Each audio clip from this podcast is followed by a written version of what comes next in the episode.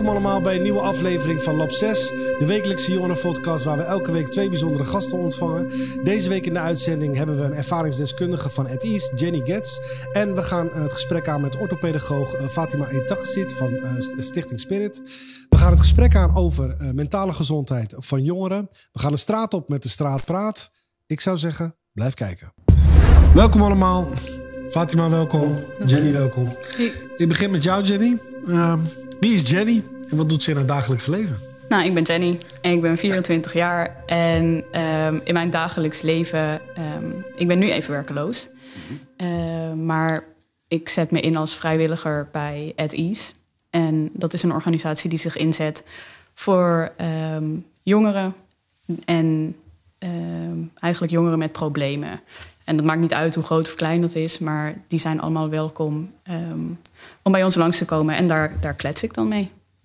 En kan je vertellen wat jou geïnspireerd heeft om, om voor At Ease uh, te gaan werken als vrijwilliger?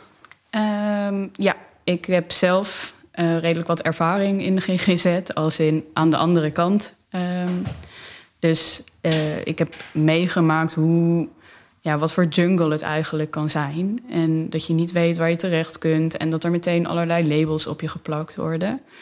Um, en toen ben ik eigenlijk, uh, toen ik uitgevallen ben met werk, ben ik op zoek gegaan naar iets waar ik me toch prettig voelde en dat ik iets kon betekenen uh, voor anderen. En toen kwam At Ease voorbij. En om, juist omdat het zo laagdrempelig is en je als mens gezien wordt en niet als iemand met problemen die een sticker moet krijgen en dat voor de zorgverzekering geregeld moet worden.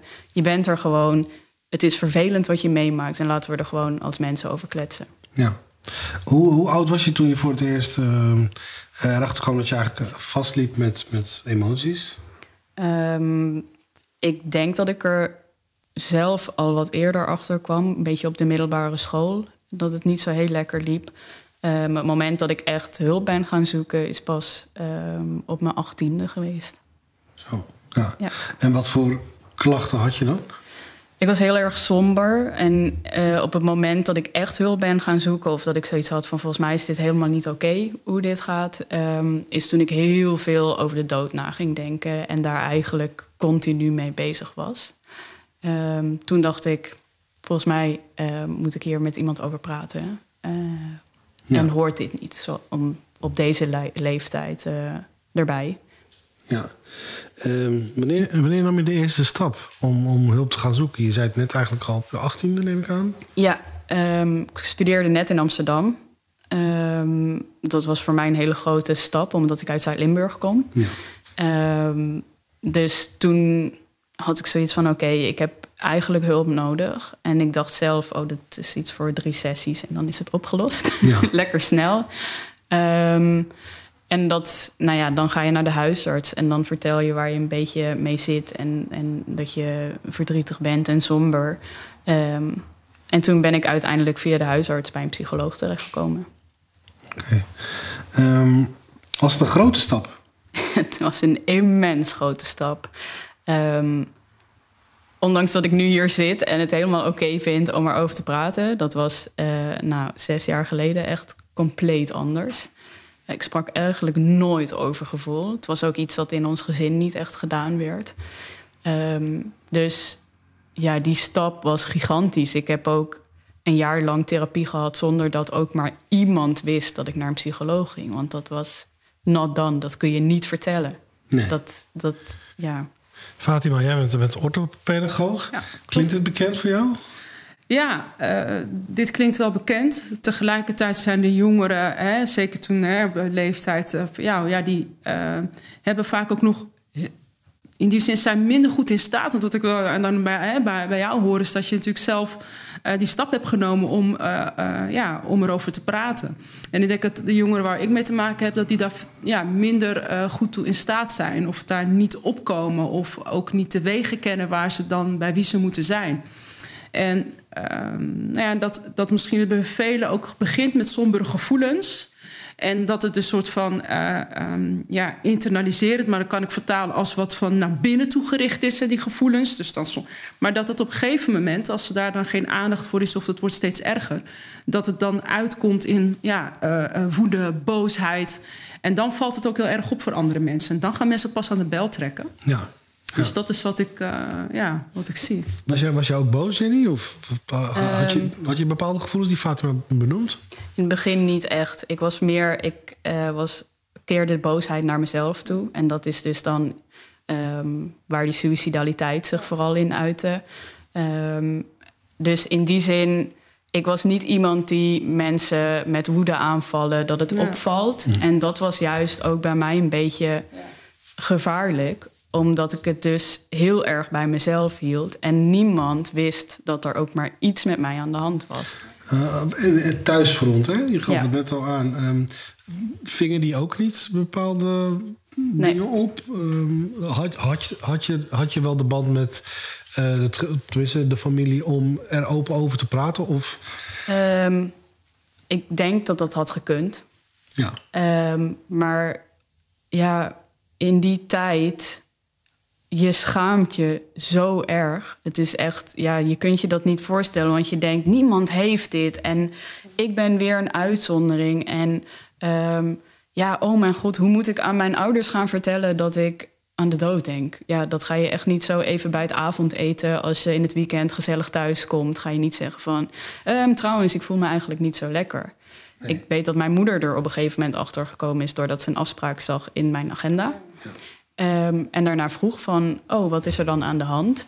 Ehm, maar ook toen merkte ik gewoon, er is een soort van weerstand. Er is toch een soort van onbegrip. Wat niet ehm, onlogisch is, omdat er zo weinig over gesproken wordt. Uh, en misschien een hele een aparte vraag. Kom je uit een religieus gezin? Nee, eigenlijk niet. Want daar zie je bijvoorbeeld wel weer dat er vaker over de dood wordt gesproken, zeg maar. Of Ja. het leven na de dood. Ehm, toen je moeder erachter kwam dat je, dat, je- dat je een afspraak had, ehm, vroeg ze niet van waarom heb je een afspraak? Ja, dat vroeg ze inderdaad. En ehm, toen heb ik uiteindelijk ook uitgelegd van... ja, ik heb een beetje stress en het is allemaal een beetje... weet je, een grote verandering van het dorp naar de grote stad... en studeren. En ik, ik weet gewoon niet zo goed hoe ik ermee om moet gaan. Dus ik, ik praat daar af en toe over. Ehm, maar ik, ja, ik ging natuurlijk niet vertellen wat er echt aan de hand was. Nee, precies. Maar ik bedoel, eh, stelde je moeder bijvoorbeeld niet meer vragen daarna? Van maakte ze zich niet zorgen? Want Ik denk dat ze zich wel zorgen heeft gemaakt. Ehm, of ik weet het eigenlijk wel zeker. Ehm, dat werd naarmate dat, het, dat ik daar ook opener over ging zijn, werd het ook steeds erger natuurlijk. Ja. Ehm, maar ik denk dat zij in eerste instantie. Ik was ook wel iemand. Ik ben goed in mensen geruststellen en zeggen van, oh, weet je, is dit en dat. En ik was voor de rest gewoon functioneerde. Mijn studie ging goed. Ik kon altijd lachen, gieren, brullen. En ik had zoveel activiteiten dat ja, er zal wel niet heel veel mis zijn. nee. Ehm, ja, ondertussen ben je wel hulp gaan zoeken. Ja. Ehm, hoe heb je dat ervaren? In de zin van, wat zijn de belemmeringen die jij tegenkwam? Het is heel moeilijk. Het is een oerwoud. Niemand vertelt je waar je moet beginnen. Ehm, ik wist uiteindelijk, na heel lang zoeken op internet, dat ik bij een huisarts terecht zou komen en dat dat het beginpunt is. Nou, dan gaat er nog een heel gedoe met verzekeringen aan de gang. Want niet iedere therapie wordt verzekerd. En niet de langdurige, kortdurige. Waar moet ik beginnen? Wat is eerste lijns? Wat is tweede lijns? Wat is een psychotherapeut? Wat is een psycholoog? Ik dacht echt... Help, ik, hoe, hoe kom ik hier uit? Wat is dit allemaal? En het, het, het is eigenlijk verschrikkelijk. Je had ook geen ondersteuning vanuit huis uit... dat, het, Nee. dat er bepaalde dingen opgevangen werden. Eh, Nee, dat, dat, dat, heb ik allemaal zelf gedaan. Ja, Ja. dat is een, eh, een, eh, een zware taak, lijkt mij. Het was een hele zware taak, want je voelt je niet goed. Dus het gaat eigenlijk al niet zo goed. Je houdt al allemaal balletjes in de lucht, terwijl je je eigenlijk van binnen heel rot voelt. Ehm, en tegelijkertijd moet je dan ook nog zo'n heel hulptraject gaan onderzoeken. Want dat is het. Je moet letterlijk gaan uitpluizen. Waar kan ik terecht? Hoe of wat? Hoe zit het systeem in elkaar? Want We hebben niet alleen maar psychologen, we hebben ook maatschappelijk werkers, ehm, mensen die thuis bij je kunnen komen, vakteams, uh, spoedeisende psychiatrie, psychiaters. Uh, noem het allemaal maar op. En iedereen is weer gespecialiseerd in iets anders, wat dus blijkbaar ook weer een ding is. Dus je moet eigenlijk ook al voordat je hmm. hulp gaat zoeken, weten wat heb ik überhaupt. Ja, ja dat, uh, financieel gezien, hè? Um, moest, je, moest je ook veel toeleggen met alle hulp die ik nu hoor uh, voorbij komen? Ik bedoel, de verzekering zal wel na een tijdje zeggen van... Um, het is goed geweest met jou. Ja, nou goed, ik bedoel, uh, het vraagt aardig wat tijd. Uh, ja. Het kost ook wat. Ja, het kost wat. Ik heb gelukkig uiteindelijk dus uitgezocht van... oké, okay, bijvoorbeeld een restitutiepolis aangevraagd. Dus dan krijg je een heleboel meer vergoed dan, dan wanneer je dat niet hebt. En kun je ook kiezen waar je terecht wil komen. Maar ik heb zelf bijvoorbeeld op een gegeven moment ook het besluit genomen om in een privékliniek opgenomen te worden. Om daar behandeld te worden. En um, dat werd niet vergoed. En daar hangt een, een stevig prijskaartje aan vast. Dus daar heb ik. Ik heb geluk gehad dat mijn familie me daarin gesteund heeft. En, om, om gebruik te kunnen maken van een privékliniek? Ja. Dus zij hebben mij daar financieel in gesteund. En daar mocht ik heel blij mee zijn, want het heeft uiteindelijk voor mij een heleboel, heleboel goeds gedaan. Uh, maar er zijn heel veel mensen die dat niet kunnen veroorloven. Want het is toch even uh, eh, 5000 euro neerleggen voor een behandeling. Van ja, hoeveel weken? Zeven weken was dat. En op een gegeven moment, ik had zoiets van... oké, ik heb zelf wel dingen gespaard.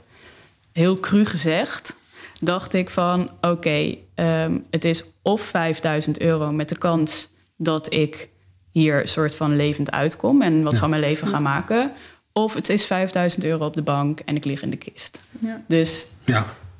dat was op een gegeven moment, hè, dat klinkt misschien heel heftig, maar dat was wel op een gegeven moment hoe ik het ben gaan bekijken. Ja. Uh, en gelukkig was mijn familie er die zei van, uh, we gaan je hierbij helpen. Ja. Um, die zagen ook gewoon het effect, wat het ook denk ik met jou deed. Ja, uiteindelijk wel. Ja, Want anders zou ik hier nu niet zo zitten.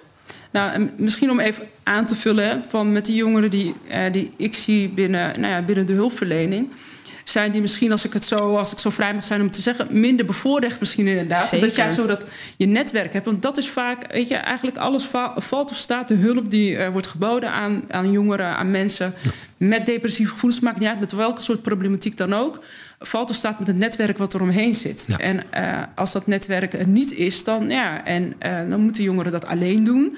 Nou, dan, hangt, dan is ook nog van ja, welke, welk opleidingsniveau heb je? Hoe zelfstandig ben je? Hoe assertief ben je? Uh, hoe onderzoekend ben je? Want ja, je, je moet het dan allemaal zelf doen. En ik kan me voorstellen dat voor heel veel jongeren een drempel is. Ja. Nou, en dan, uh, want ik denk, zoals jij, dat, uh, zoals jij dat nu beschrijft, hoe je dat aanpakt, die jongeren komen wij eigenlijk niet tegen. Bij nee, Buin is het dan al in, ja, in een veel verder stadium of zo, dat er dan ook nog allerlei andere dingen bij komen. Ja. Um, het toont ja. ook karakter. Want ja, ik bedoel, zeker, ja. het is, het is, het is uh, als ik het allemaal zo hoor om, uh, om uh, de, de, de, de verzekeringen te bellen, om alles op jezelf op te nemen. Dat is, dat is wat ik al een behoorlijke taak. Uh... Ja, dat was ook helemaal niet leuk. Nee. Het was echt verschrikkelijk. En ik heb het geluk dat ik vanuit uh, huis uit heel erg geleerd heb om zelfstandig te ja. zijn. Ja. Dat is altijd heel erg um, gemotiveerd.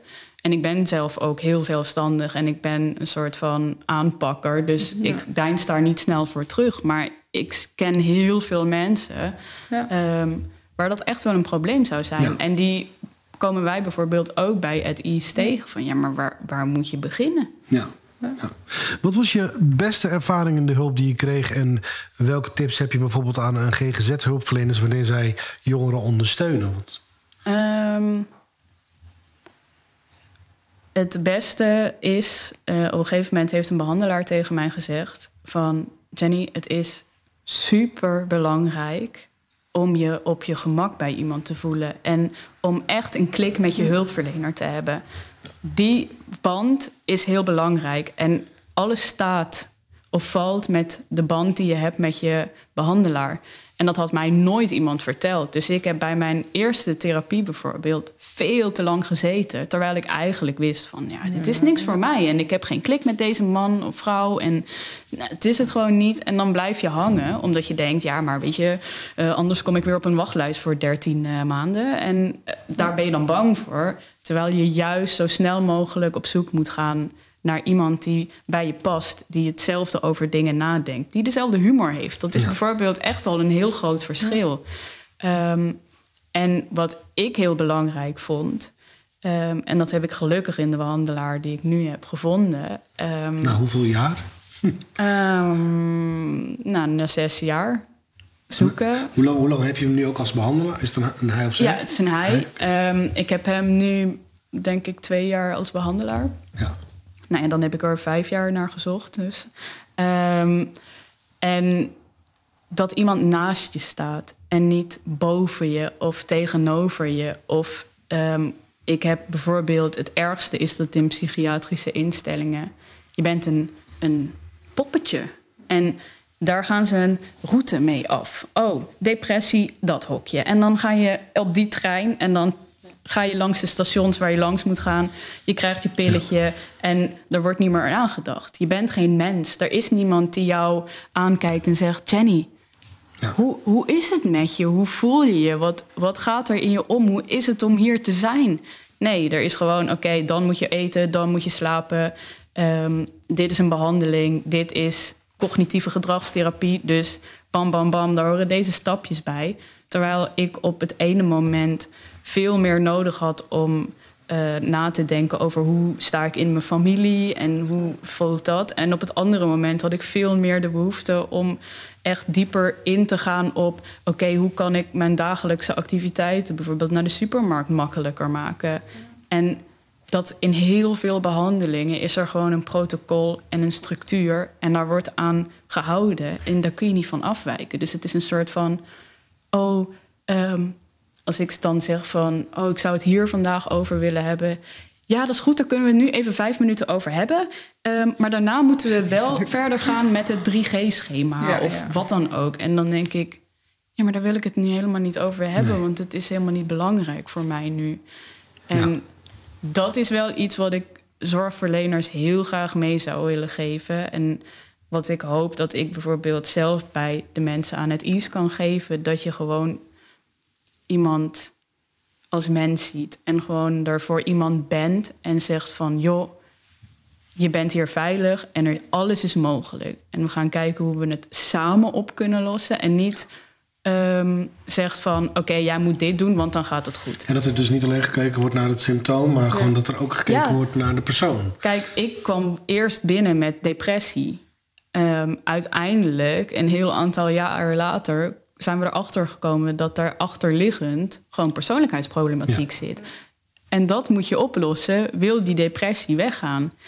En daar is vier jaar lang nooit naar gekeken. Iemand heeft al vier jaar lang een depressie. Oh ja, pff, prima, gaan we weer. De, oh, ja, wij doen voor depressie dit. Dus ja. maken we dat riedeltje af. Totdat ik nu bij deze behandelaar kwam en die zei: Volgens mij zit er nog heel veel meer achter. Ja, want werd er ook eh, bijvoorbeeld medicatie voor geschreven? Ja, ik heb um, in het begin, helemaal in het begin, heb ik um, antidepressiva gekregen. Oké, okay, dus op vro zo'n vroege leeftijd al? Ja, en dat was super heftig, ging ook mis. Heb je ma bijvoorbeeld maagtabletten gekregen? Of, nee.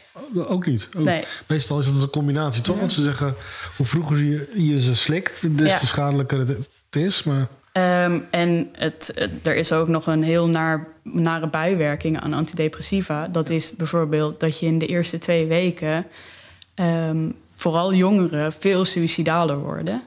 Um, en impulsiever worden. Dus dat de kans op een suïcidepoging gewoon groter is. Ja.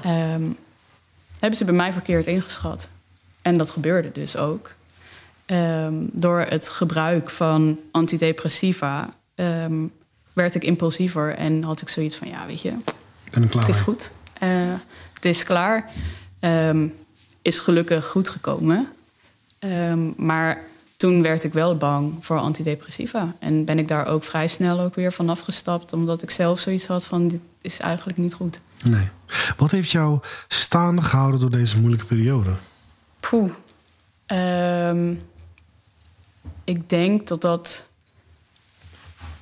bezig zijn blijven. En ehm, ik was heel erg. Ik ben op een gegeven moment gewoon wel heel gefocust gebleven. Ik heb ook gewoon mijn studie afgemaakt. En ehm, dat was voor mij heel belangrijk. Een doel hebben. mijn, ik ben altijd heel doelgericht geweest. Ja. dus ik wilde ook, ook al was ik er helemaal klaar mee, een doel hebben waar ik naar, naar uit kon kijken en waar ik dan met mensen aan kon werken. Dus dat je ook gewoon ehm, met je vrienden kunt blijven uh, en zijn wie je bent. En ik heb op een gegeven moment um, dan ook wel verteld aan een aantal vrienden wat daar speelde. Kreeg je daar ook de steun van? Ja, van sommigen wel, sommigen niet. Sommige mensen vallen weg. Dat is heel jammer. Um, maar um, van de mensen die bleven, heb ik wel heel veel steun gehad. Um, en vind ik het eigenlijk zonde en jammer dat ik het ze niet eerder heb gezegd. Um, Waarom? Nou, omdat ik dus heel erg bang was dat mensen me verlieten en dat ze me als gestoord gingen zien. En um, ik bedoel, het stigma is er, is er niet voor niks. Um, en vooral op het moment dat ik met persoonlijkheidsproblematiek werd gediagnosticeerd, um, dan zegt iemand: Ja, je hebt karaktertrekken van borderline. Ja, dat is niet leuk. Dan nee. uh, zakt de wereld heel even onder je voeten vandaan. Um, maar als je dan. Ik heb gemerkt dat omdat ik er heel open over ben. Um, en ik mensen ook echt probeer uit te leggen hoe het in elkaar zit. En dat je dus meerdere vormen daarvan hebt.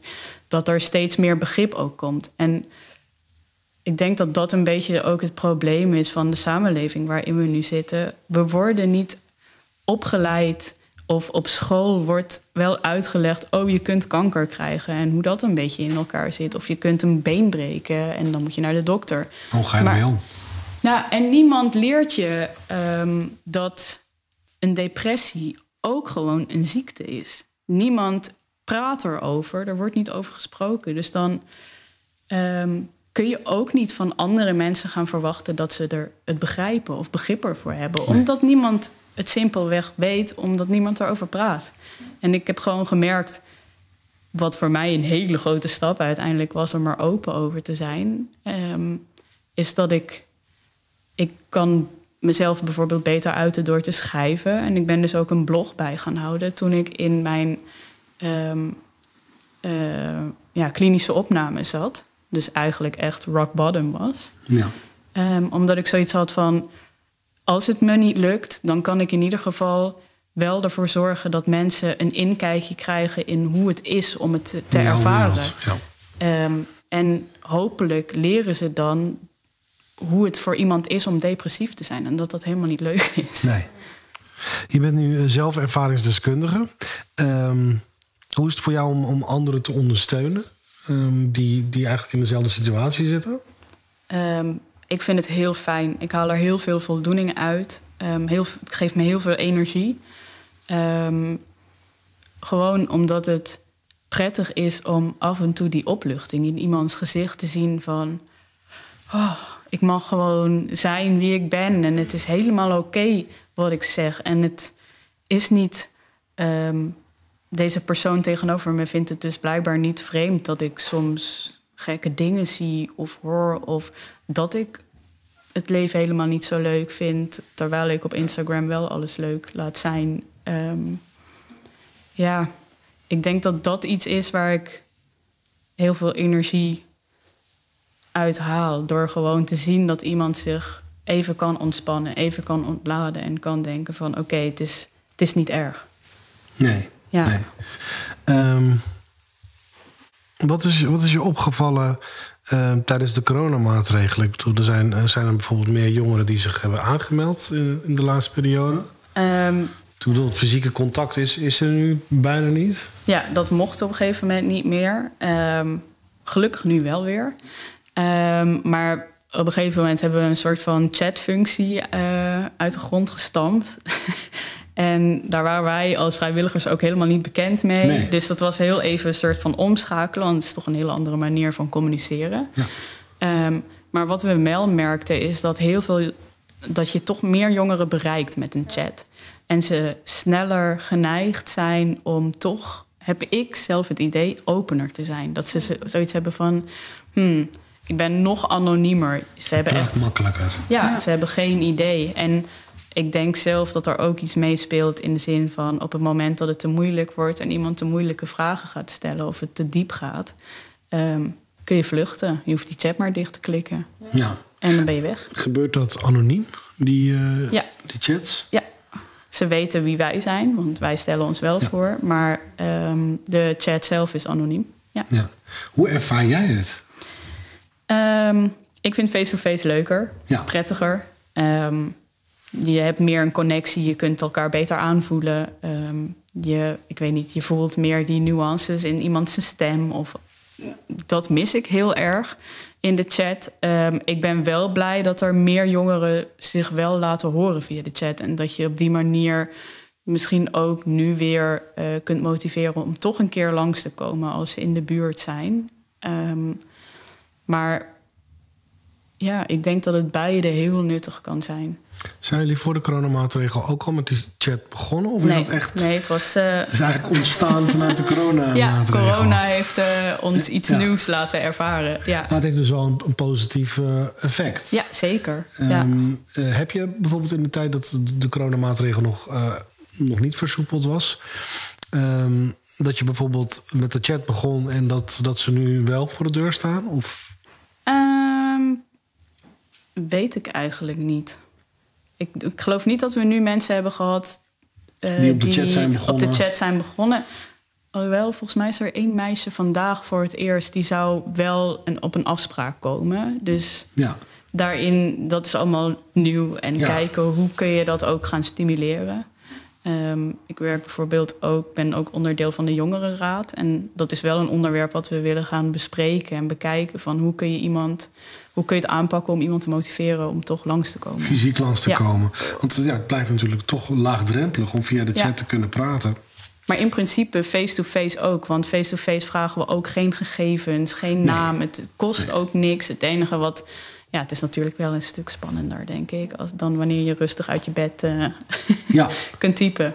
eh, maar als iemand praat over eh suïcidale gedachten... ehm, wat voor een advies geef je hem dan mee via de chat? Want dat lijkt mij Dat is heel lastig. moeilijk. Ja. Ehm, we hebben face-to-face daar wat makkelijkere protocollen bij. Omdat er, we hebben ook altijd een professional. Dus Ja. er is altijd een psycholoog, Psycholoog of bij. een arts, jeugdarts aanwezig.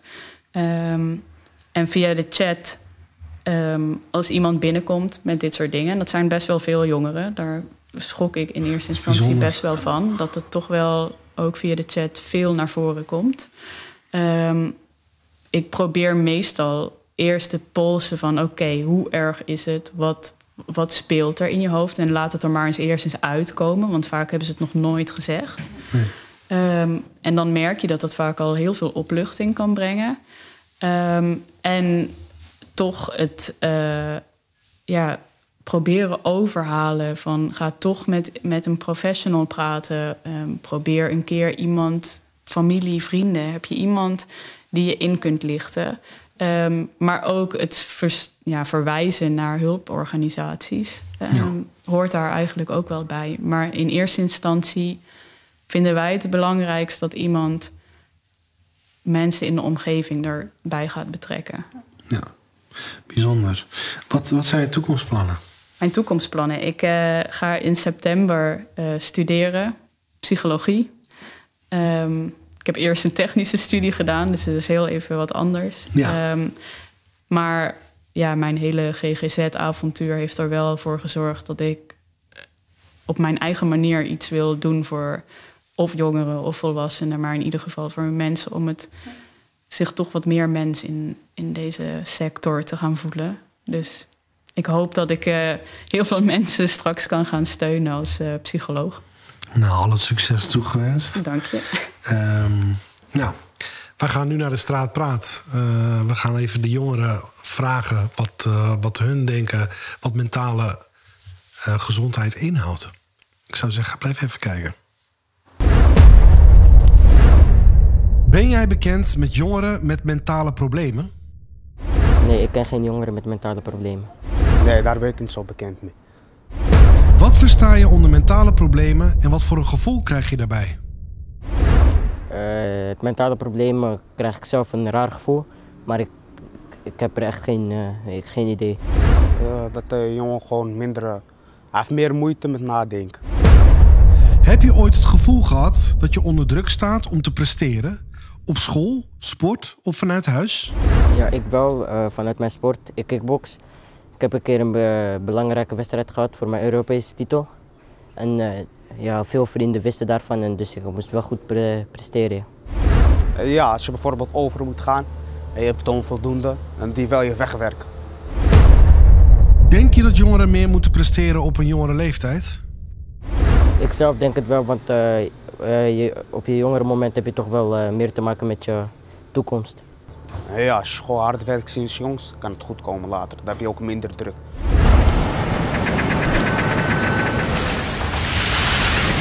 Dat was de Straatpraat. Um, we gaan nu over naar Fatima.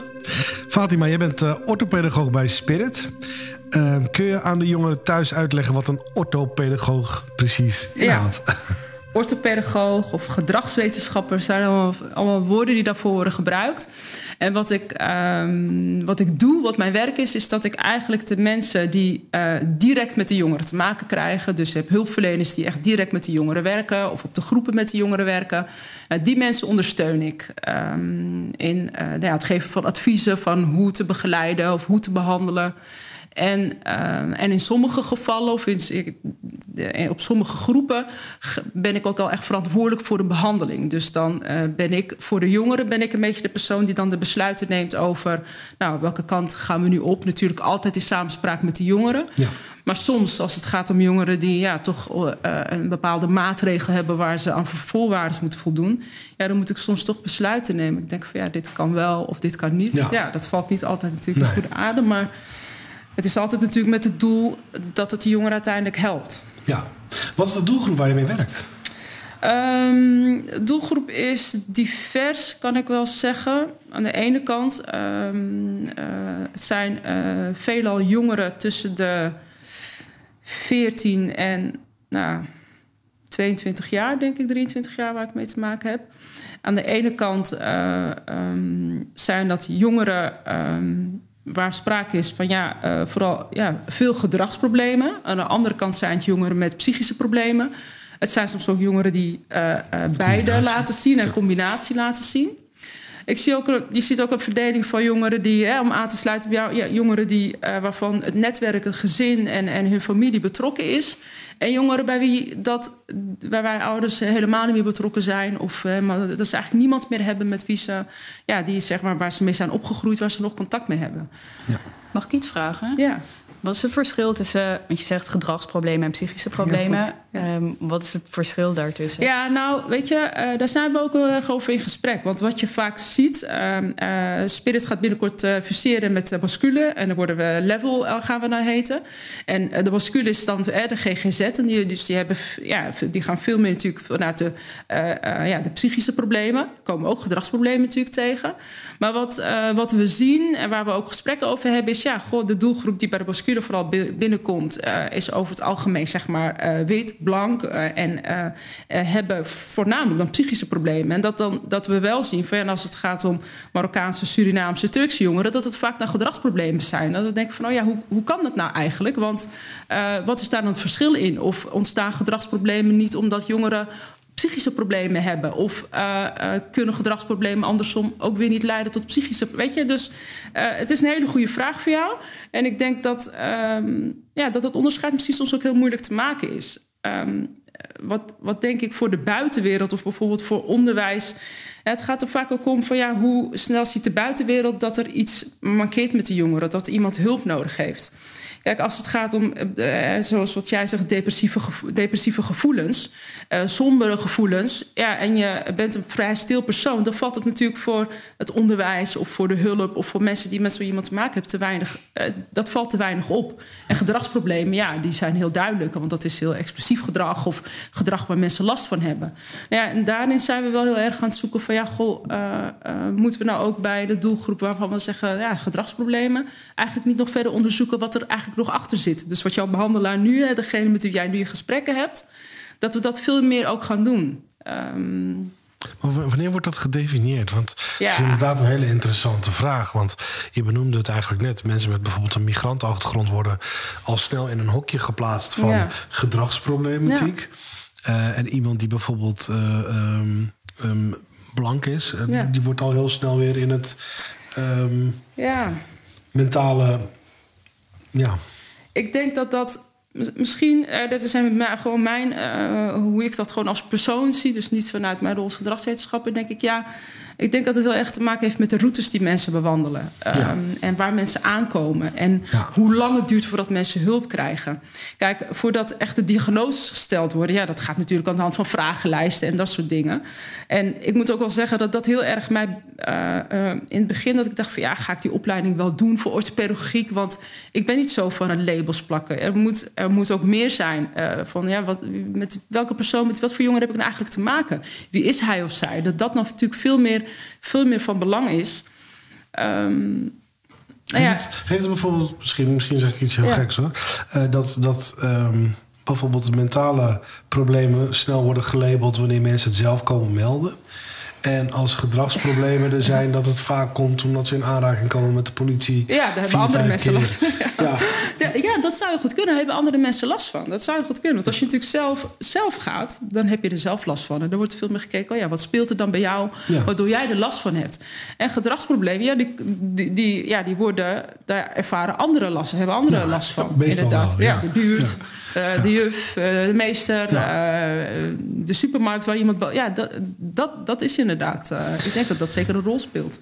Je, je doet het werk al aardig lang. Ja. Ehm, zijn de vragen van jongeren veranderd in de loop der jaren? Um, de vraag van jongeren... Ehm, nou ja, laat ik het zo zeggen... de doelgroep lijkt wel zwaarder te zijn geworden. En...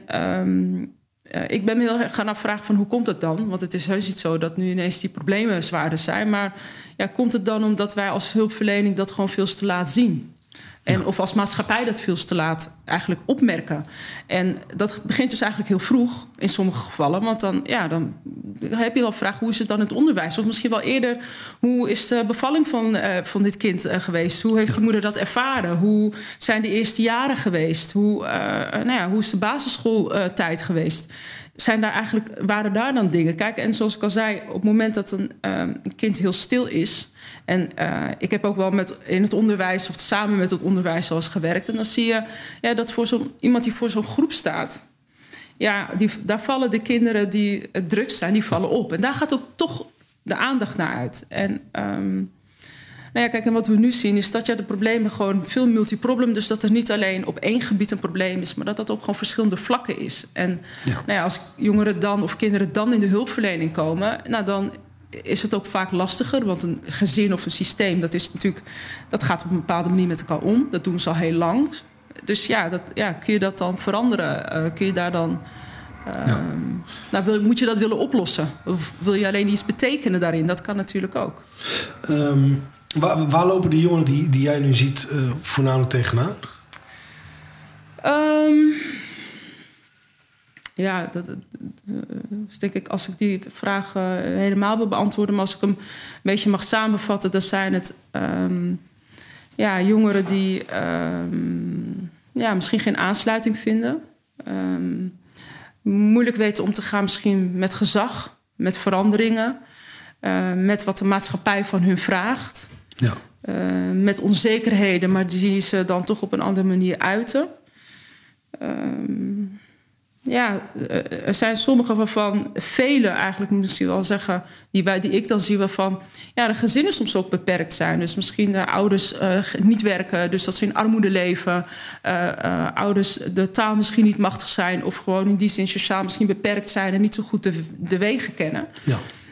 Um, nou, veel problemen thuis. Ja, en dan zie je toch dat zo, ja, dat, dat, dat, ik denk dat dat een beetje de doelgroep is die we vooral veel zien. Ja.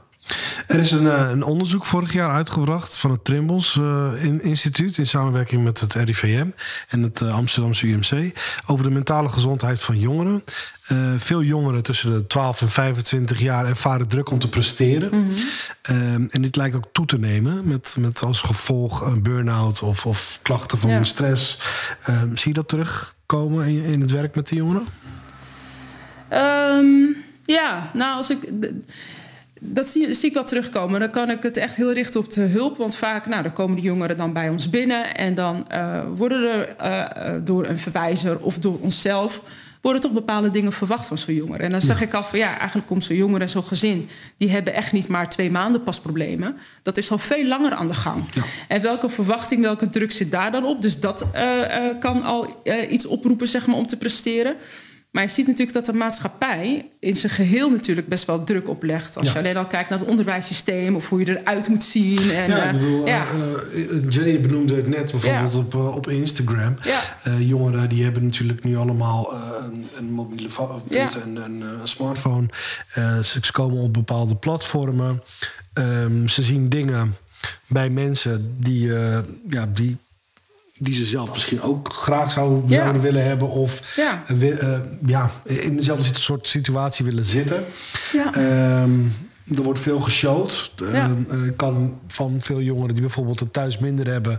en zien hoeveel rijkdom er wordt getoond op, op een Instagram... dat dat Ja. bepaalde problemen met zich meebrengt. Ehm, Die willen dat natuurlijk ook, ja. Maar niet alleen Instagram. Het is ook, je ziet ook inmiddels op school. Ja, Als precies. ik kijk naar onze studie, Ja, klopt, ja. eh, wat je allemaal moet doen. Als jij uiteindelijk wil gaan solliciteren, Ja. dan moet je een buitenlandervaring hebben gehad. Je moet eh, buitenschoolse activiteiten doen. Je moet voorzitter van die club zijn of dat klopt. zijn geweest. Het is echt niet, niet te doen meer. Ga eens even een half jaar naar het buitenland. Ja. Ik heb het gedaan, maar dat had ik beter niet kunnen doen. Nee. Het eh, geeft zoveel druk en stress. Maar ik denk dat het overal is. Dat geldt ook voor sport. Ik bedoel, Ja. er wordt vanuit de, de, de sport wordt er ook Ja. natuurlijk heel veel gevraagd.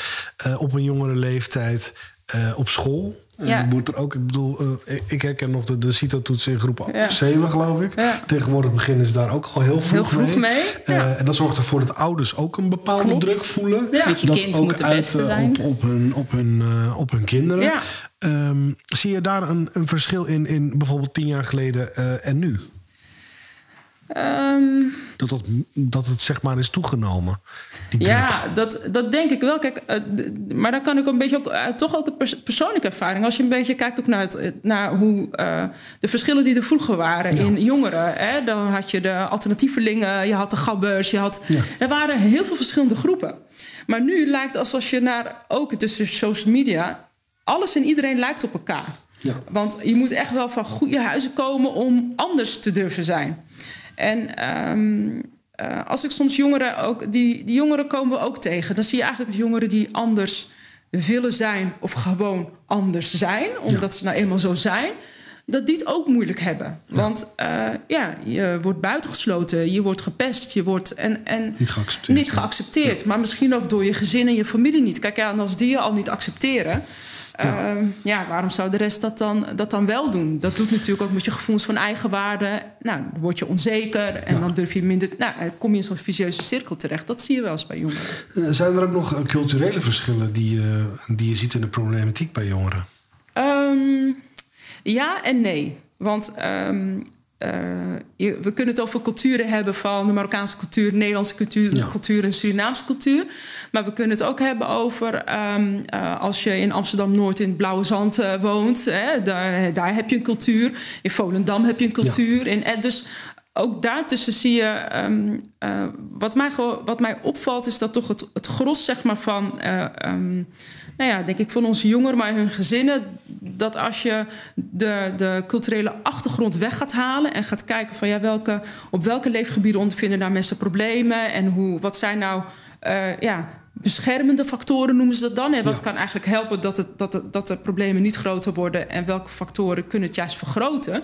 Hm. Dan zie je dat die eigenlijk eh, in mijn optiek eigenlijk hetzelfde zijn. Want, maar maar je bent, je bent orthopedagoge, je bent Marokkaanse, je bent uh, islamitisch. Uh, heb je door deze achtergrond bijvoorbeeld een makkelijke ingang uh, bij jongeren met eenzelfde achtergrond? Soms wel en soms juist niet. En um, ik kan daar wel een voorbeeld van geven, want ik ben wel uh, dan betrokken geweest bij een groep. En daar zaten um, meiden. En het waren toevallig, was die combinatie van de groep, dat het veel, veelal Marokkaanse meiden waren.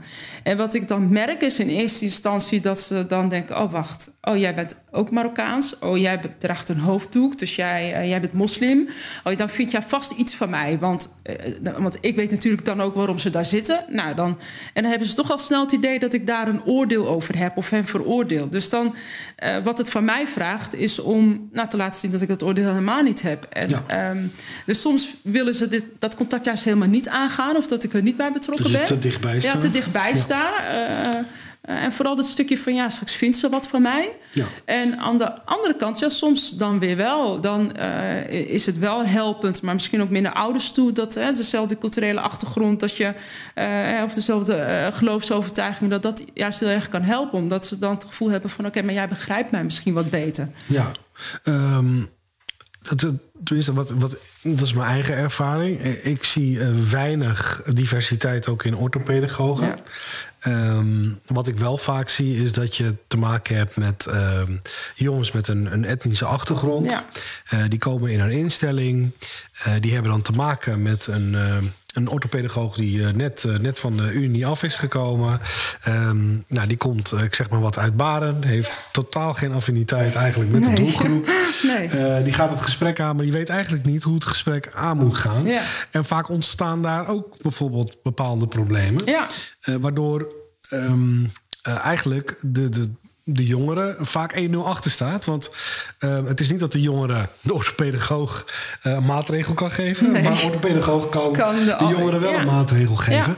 Ja. Um, vandaar dat ik het ook vraag van... Ja. Ik, zie je dat zelf ook? Mis je die diversiteit zelf? Um, uh, die, die mis ik, miste ik. Maar uh, nou, Spirit die, uh, is zich daar heel erg bewust van. En die is juist heel erg bezig om inderdaad ook binnen onze groep orthopedagogen... Ja. Om, um, ja, om die diversiteit, zeg maar, dat, dat, dat het er meer is. Zo heb ik via Spirit natuurlijk ook de mogelijkheid gekregen om die studie te doen. En zo een aantal andere collega's ook met een andere Mooi. culturele achtergrond. Dus die beweging zijn ze daar heel erg aan het maken. ja, omdat precies denk ik met de redenen... en niet zozeer dat als ze dan uh, ergens een, uh, een Marokkaans gezin of ja. een Turks gezin, dat wij dan meteen dat moeten doen, maar dat je ook van elkaar zeg maar, de expertise gebruik kan maken van elkaar. Ja. Of het nou een intervisie is met elkaar, dat je dat, je, ja, daar, dat, dat, ja, dat gebruikt. Nou, je hebt het over ouders of, of over ja. verzorgers. Heb je ook contact met ouders? Um, en dan bedoel ik met name van jongeren onder de 18 jaar? Ja, soms. Dat, dat, zoals ik al zei, eerder vertelde, ik, ik ondersteun en uh, um, adviseer, hè, de, begeleid ga ik de mensen die direct in contact staan met jongeren en dus met hun gezinnen. Um, dus dat is veel meer eigenlijk op de achtergrond. En soms wel. Mijn groep waar ik ook werkzaam ben, daar heb ik wat meer directe contacten met de ouders. Um, van kinderen die jonger dan 18 jaar zijn. Kijk, en nu is het natuurlijk wel zo dat sommige jongeren van 16 plus ook kunnen zeggen: ja, dat wil ik niet. Ik wil okay. dat je, uh, ja, goed, en dan is het, nou, te, hè, welke wettelijke kaders zijn er en Precies. wanneer moet je ouders wel informeren of niet? En nou, daar zijn er natuurlijk ook gesprekken over. Ja. ja. Um, hoe zag de hulp aan jongeren eruit tijdens de corona voor jou? Um, nou, ik merkte dat voor mij um, uh, ja, veelal de, he, alle vergaderingen en uh, werkbegeleidingen of wat dan ook, zeg maar, overleggen met medewerkers of met collega-gedragswetenschappers. Ja, dat gebeurde vooral vanuit huis. En het is mooi wat jij zegt. Je op een gegeven moment, je, je mist dat toch dat, ja, dat je in één ruimte met elkaar zit. En dat je uh, veel beter, want ook al deden we videobellen via ja. Zoom of weet ik veel wat. Uh, uh, en op een gegeven moment Zoom niet meer, want dat waren natuurlijk uh, met privacy. Ja. Hè? dat kon natuurlijk op een gegeven moment niet meer. Maar um, dat je dat toch mist. Want je ziet elkaars gezicht wel, je, je, ja, je, je, gaat, je mist diepgang. Dat is eigenlijk wat we merkten. Dat en, je... bij de jongeren, eh, is de spanning bij de jongeren ook opgelopen? Dan heb ik het dan meer over jongeren die bijvoorbeeld uh, in een instelling vastzitten. Ja. Um, die eigenlijk soms zelfs afhankelijk zijn van een psychologisch onderzoek. Ja. Dat de rechter misschien zegt van hé, hey, deze jongen mag naar buiten of hij moet langer binnen zitten. Um, hoe, hoe, was dat voor nou, de jongeren? Het, het, we merkten eigenlijk dat het voor de jongeren die in de geslotenheid zitten, de gesloten instelling. Ja. Dat er eigenlijk niet zoveel veranderde. Want die hadden natuurlijk niet zoveel met die buitenwereld te maken. Nee. Die hebben dat veel minder. Ja. Dus, uh, um, en natuurlijk hadden een aantal jongeren die dan wel op verlof. En die dan natuurlijk aan ineens allerlei regels ja. gebonden zijn. Want als ze dan terugkomen, ja, waar ben je dan geweest? En hoe zit dat dan? Dus ik denk dat, ze, dat daarin jongeren zich ook zeker ook wel uh, beperkt hebben gevoeld, zeg maar. Um, ja, want sommige jongeren konden misschien niet meer eventjes tijdelijk niet meer naar huis. Of, nou, dat, dat, dat heeft in die zin wel impact gehad. Ook omdat heel veel jongeren uh, nou, nu ook geen dagbesteding meer hadden. Dus, nee. uh, maar dat merkten we ook op de open groepen. Want ja, de, dan is er, het is wel een open groep. Maar ja, goed, je kan niet naar school. Je kan niet uh, gaan sporten. Je kan niet naar een, een winkel. Je kan nee. niet... Ja, en ja, dan moet je toch binnen zijn met elkaar. En de hele tijd vertellen waar je bent geweest. Ja, ik denk, ja, iedere jongere vindt dat vreselijk. Ja. Maar dan al helemaal. Als je een beetje het gevoel hebt van je zit... Want jullie sturen soms ook mensen mee op verlof. Hoe, hoe is dat in zijn werking gegaan? Of? Um, nou, kijk, som, ja, um, kijk, daar, eigenlijk is, heeft Spirit heel erg de, alle RIVM-regels gevolgd. Dus okay. daar werd dan wel heel erg naar gekeken. Ja, goh, uh, ja, hoe zit het dan? Kan je nog in één auto? Oh, we hebben ja. busjes van Spirit. Nou, dan kan je wel hè, dat ja, iemand achterin gaat. Dus daar is heel erg over nagedacht. Er zijn natuurlijk meteen allerlei werkgroepen uit de, uh, uh, opgekomen... die over dit soort dingen gingen nadenken. Want um, kijk, er werd natuurlijk heel erg gesproken in het nieuws over vitale beroepen. En ik heb eigenlijk wel heel erg gemist... dat de hulp aan, aan jongeren, kinderen en gezinnen...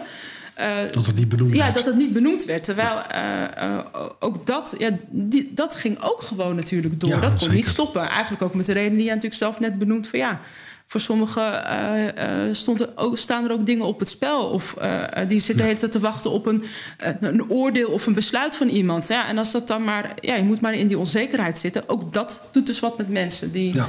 Dat vind ik sowieso wel ja. heel bijzonder. Dat met die vitale beroepen, dat een psycholoog bijvoorbeeld of een orthopedagoog ja. daar niet onder viel. Want juist mensen met psychische problemen ja. of gedragsproblemen zijn mega kwetsbaar in zoiets. Want die komt op, opeens is alles komt op jou aan. En daar waar je normaal altijd een soort van kunt ontladen of even kunt sparren over dingen, terwijl het al een super enge situatie is, ook voor de gezonde mensen onder ons.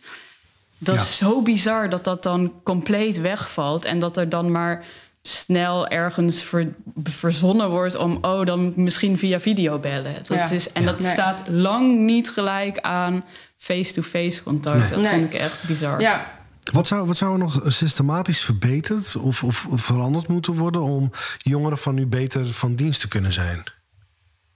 Nou ja, ik, ik denk en um, uh, dat het vooral gaat over vroeg signaleren, denk ik. Hè? Dus ja, we hebben de jongeren van nu, die ik natuurlijk nu zie. Ja. Maar ik denk dat als we uh, de volgende generaties uh, beter willen ja, helpen, ondersteunen, begeleiden, maar ook hun gezinnen ja, dan vraagt het iets van ons, denk ik, aan ma als maatschappij. Om van hoe kunnen we nou veel eerder zien dat uh, mensen hulp nodig hebben.